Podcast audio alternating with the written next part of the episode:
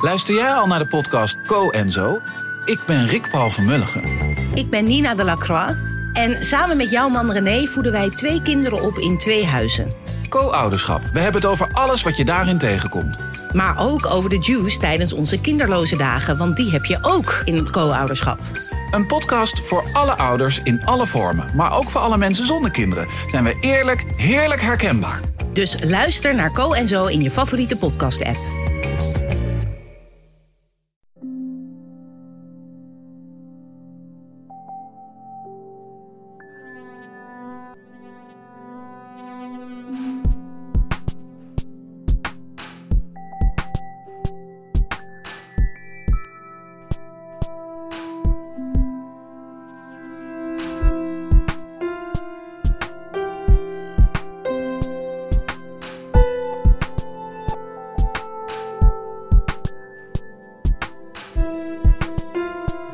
Is Relaas, waarin mensen een verhaal vertellen over iets dat ze zelf hebben meegemaakt. En dit keer horen we een uit de hand gelopen reisverhaal, zoals we er allemaal wel in hebben zeker. En wat er dan precies uit de hand komt gelopen, dat hoor je van Tom. Hij vertrok alleen op reis naar een ver land en daar liep niet alles zoals gepland. Dat hoor je zelf wel. Ik ga jullie verhaal vertellen uit Iran. Nu, eventjes rewind. Niet dat het zoveel zal veranderd zijn, maar toch. 2009, het was toevallig twee weken toen ik terugkeerde voor uh, die opstanden. Toen uh, de oppositie, Mousavi, uh, toen veel mensen op straat kwamen en neergeschoten zijn. En Ahmadinejad heeft toen zijn mandaat verlengd. Dat is die gast die de holocaust ontkende. Nu, uh, dat heeft er eigenlijk allemaal niet zoveel mee te maken, maar het is om de spanning te kweken, want ik heb daar gewoon niets van gevoeld of niets van gemerkt. Iran is het allerleukste land ter wereld om op reis te gaan. Ik ben daar in liefde gevallen met Iran. Gelukkig niet op een Iraanse schone, want dat zou minder evident zijn. De normen zijn daar een beetje anders, dat weten jullie. Um, Iran is een speciaal land, sowieso. Het zit vol met contrasten. Het is heel bizar, maar dat maakt het natuurlijk net boeiend. Um, Iran is ook heel mooi. Ik vind dat heel mooi. Je moet weten, ook daar is het vrij extreem. Je hebt plaatsen in Iran waar het in de zomer tot 50 graden is en in de winter min 30. Dus het landschap is vrij extreem, heel droog, uh, veel stenen, berglijnen van boven tot onder. Ik vond dat uh, bijzonder boeiend. Um, maar Iran is vooral, en mensen, zijn er mensen die al in contact gekomen zijn met Iraniërs? Uh, ik, ik, ken mensen die lesgeven uh, en zij zeggen dat altijd, dat, ja, zijn altijd de mensen die taartjes meebrengen, zoetigheden meebrengen.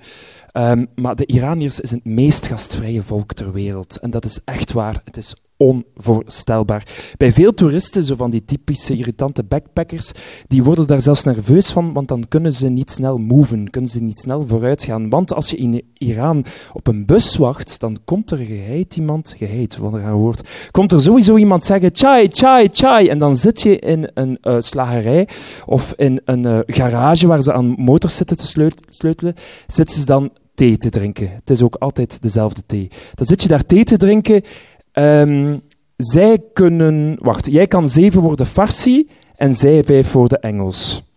Je moet ook weten dat ik bij mensen thuis ben blijven slapen en daar konden ze drie woorden Engels. Dus uh, ondertussen kon ik al tien woorden Farsi. Onder andere tellen tot tien en zo. Moet je altijd leren als je op reis gaat.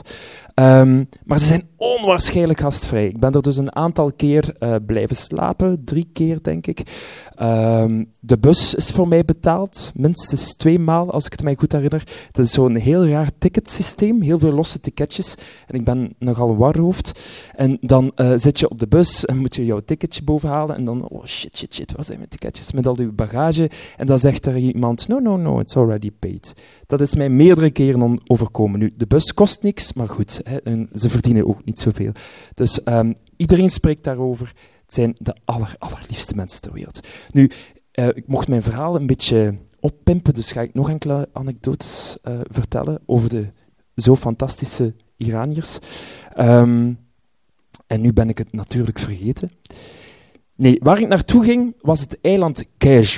Het eiland Kaj, ik overdrijf altijd in mijn uitspraak, de Iraniërs slachten met mij, maar het is niet te verwarren met Kish, want Kish is een kitscherig eiland. Dat is iets heel vreemd naar het schijnt. Dat is het, uh, hoe heet dat in Frankrijk? Um, de, de Côte d'Azur of zo, dat, lijkt daar zo op. Heel kitscherig en waar alleen maar rijken zijn. Maar dat is dus niet. Keijem is waar onder andere Tom... Um, hoe heet die gast van het programma? Tom Testron, uh, maar het, reisprogramma, ja. Tom? Waas, Tom Waas, ja.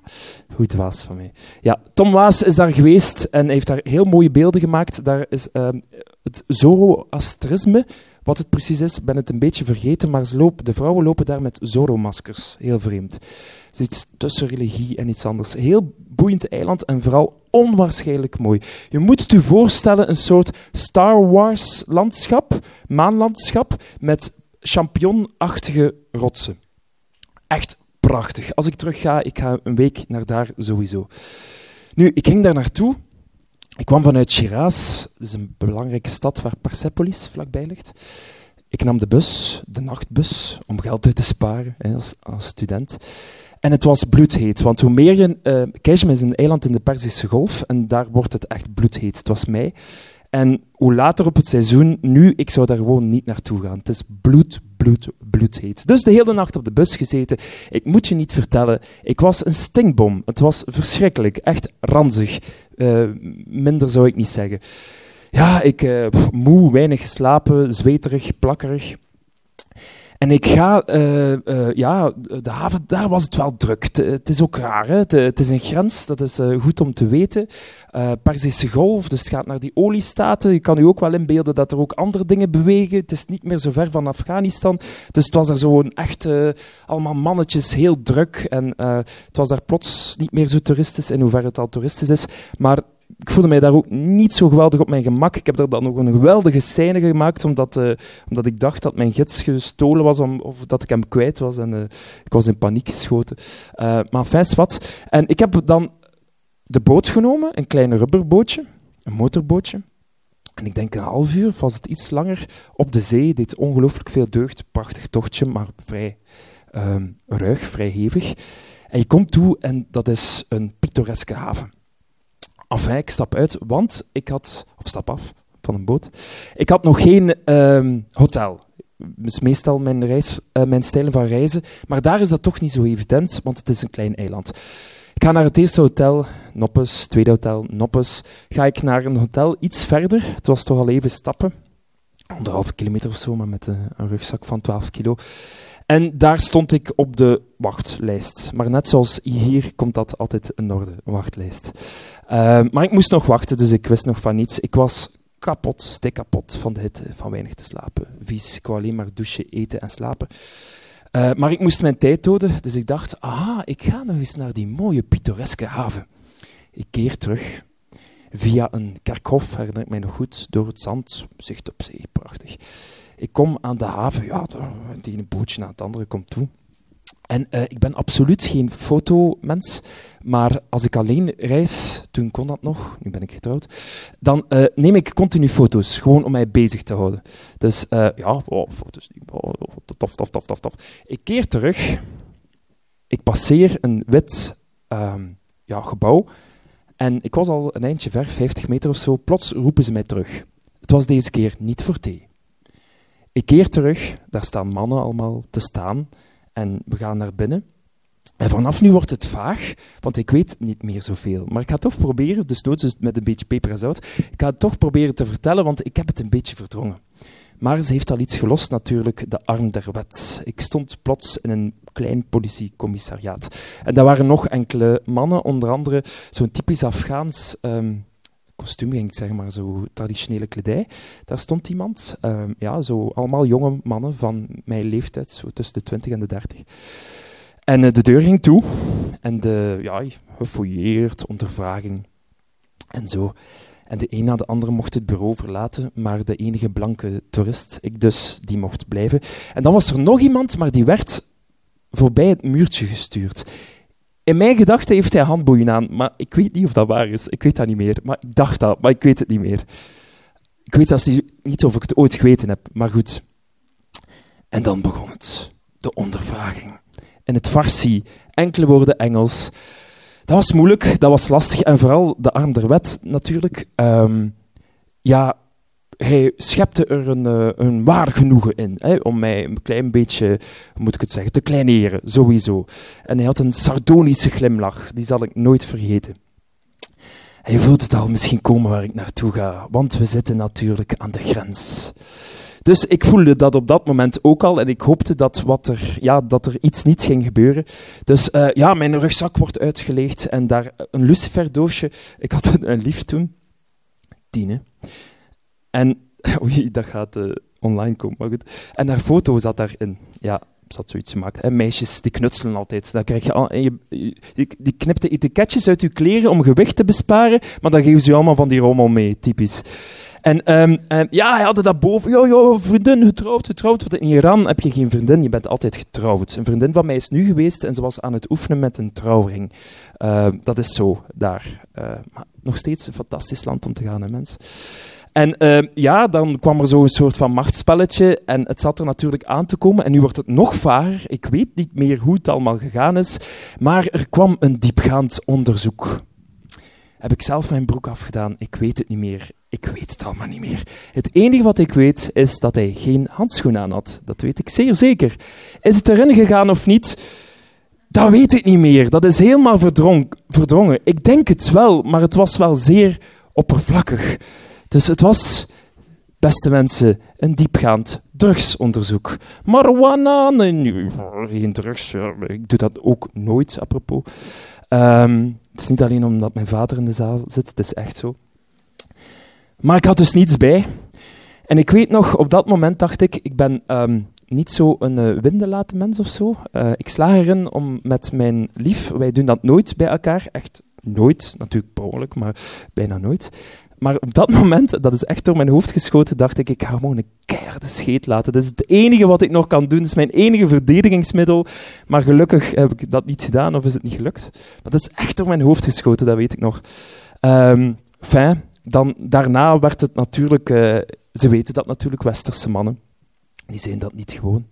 Um, uh, en ik was onder de indruk, dat zag je natuurlijk. En dan begon het, het spelletje, een spelletje opbieden. Zo echt uh, machtsvertoon, stoer doen. Fijn, ik ga weg. Um, ja, helemaal de kluts kwijt. Ik ga terug voorbij het uh, kerkhof. Ik ga naar het hotel. Ik wou nog altijd douchen, iets eten, slapen. En er was plaats. Oké, goed. Paspoort alsjeblieft. Mijn paspoort lag nog op het commissariaat. Ik ga terug en dan ben ik in paniek geschoten. Volledig. Ik keer terug en ik denk, mijn zus die hier ook is, ik ga haar iets laten weten. Ik ga haar een sms sturen. Als je binnen de twee uur van mij niets hoort, dan heb ik een groot probleem. Want in Iran, en dan begint de fantasie uh, natuurlijk te lopen, mijn vrienden vonden het heel leuk om mij te vertellen dat er homo's, ik ben geen homo, maar ik kon er toen voor doorgaan, nu misschien net iets minder, maar toen zeker. Ik weet nog dat ik bewust een fuchsia t-shirt niet heb meegenomen. Echt zot, hè. Ik dacht van, ja, weet nooit, die gasten, hè. ik ga dat toch niet meenemen. En uh, zij hadden mij uh, wijsgemaakt, maar het bleek ook toen zo te zijn, dat ze daar nog homo's uh, spiezen op, op palen en zo. Ja, Misschien brandt die paal, of dat is misschien ook verzonnen, dat, dat weet ik niet. Maar vooral, ja, uh, homo's, dat is daar verboden. En je weet nooit dat, die man, ja, dat die dat tof zou vinden om mij binnen te doen. Dat zat, ja, sorry, maar ik zat dat toen allemaal te fantaseren. Ik had echt schrik.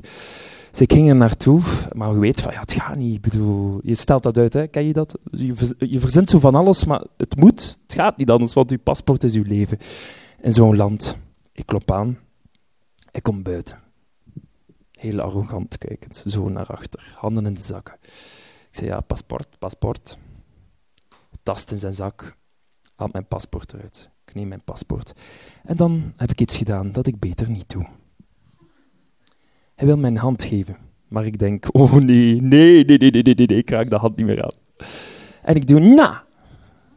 Was heel stom. Er is niets gebeurd, maar dat was ongelooflijk dom om daar niet even in mee te gaan. Maar de rebel in mij kwam boven. Enfin, stond hem natuurlijk niet aan. Alweer machtsmisbruik. Ik heb hem toch een hand gegeven. Ben naar het hotel gegaan. Ik heb daar waarschijnlijk een douche genomen. Ik heb het allemaal verdrongen. En ik heb lang geslapen. Maar, Keesm, fantastisch eiland. Dus eigenlijk is het verhaal al gedaan, maar ik ga nog een staartje vertellen. Geweldig eiland. Ik ben ook daar bij mensen blijven slapen. Zijn vrouw uh, vloog vloog naar het ouderlijk huis. Ze wonen daar in het begin ook nog uh, samen. Fantastische mens, kon geweldig goed Engels, beter dan ik. En zijn job was ramen herstellen. Dus om maar te zeggen, het is soms heel vreemd, want het is in the middle of nowhere. heeft mij schitterende dingen laten zien. De grootste salt cave uh, ter wereld. En daar is niets, behalve krabbetjes, zelfs geen touwtje waar je niet mag gaan. Uh, en een keer terug, ik was nog steeds heel moe. En ik doe autostop, want ik was daar zo geraakt. Dus was nog steeds op het eiland, maar twee dagen later stopt iemand super enthousiast, verdacht enthousiast, maar ik had er niet bij stilgestaan. En 100, 100 kilometer later stap ik uit, bleek het een taxi te zijn. En toen kwam op datzelfde eiland alweer de rebellen mij naar boven.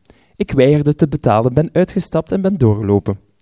Ongelooflijk dom natuurlijk, want die man, ja, die, die man, die mens, die, dat was een taxichauffeur, maar er stond geen bordje, autostop, kom aan mensen, dat is overal ter wereld bekend.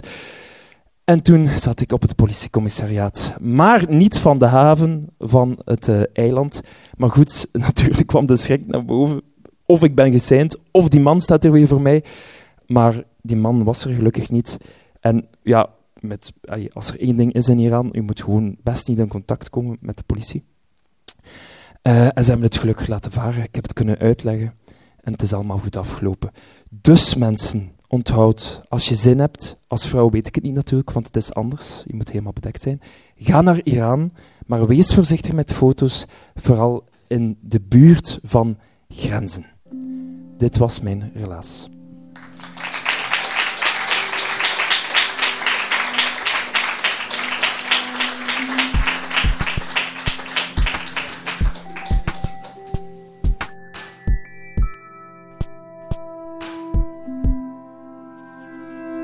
Dat was het relaas van Tom. Hij vertelde het in juli in Husset in Gent. Dat is onze vaste uitvalsbasis. Een prachtige plaats. Het was de eerste editie van het jaar waar het volledig licht bleef de hele avond. Hè? Een zomereditie. Het was ook lekker warm. Uh, dat bracht ons allemaal in een sfeertje van de zomer en van reisverhalen. Dus ik hoop dat dit verhaal er perfect in paste nog wat reclame maken voor een luisterfestival dat we met Relaas dubbel en dik supporten. Het heet het Oorzakenfestival. Het vindt plaats op 1 en 2 oktober in Amsterdam. En wij gaan er met heel de Relaas crew naartoe. Uh, Benjamin Walker komt. Dat is een van mijn podcastgoden. Alle informatie Oorzakenfestival intypen op Facebook of Google. Als je zelf een herkenbaar of bijzonder verhaal hebt, of je wil iemand tippen die een goed verhaal heeft, of je wil er zelf graag eens live bij zijn als de verhalen verteld worden, dan kan dat. Surfen naar relaas.be en je komt alles te weten over wie wij zijn, over wanneer onze vertelavonden zijn en uh, wat de andere verhalen zijn, want je kan ze allemaal herbeluisteren op onze website. Relaas is het dankzij Stad Gent. Onze partners zijn Urgent FM, Pulp Deluxe en REC. Relaas wordt gemaakt door Dieter van Huffel, Timon van de Voorde, Sarah Latré en Philip Cox, Evert Savers, Charlotte Huigen, Marilyn Michels, Helena Verheijen, Anna van den Abelen, Kenny Vermeulen en ikzelf ben Pieter Blomme. En uh, het wordt ook gemaakt dankzij jullie natuurlijk. Jullie zijn onze luisteraars, onze ambassadeurs van Relaas. Jullie dragen bij tot de verhalen. Uh, geef jullie indrukken, uh, geef wat jullie van ons verwachten. Allemaal via Facebook, Twitter, maakt niet uit. We zijn overal aanwezig.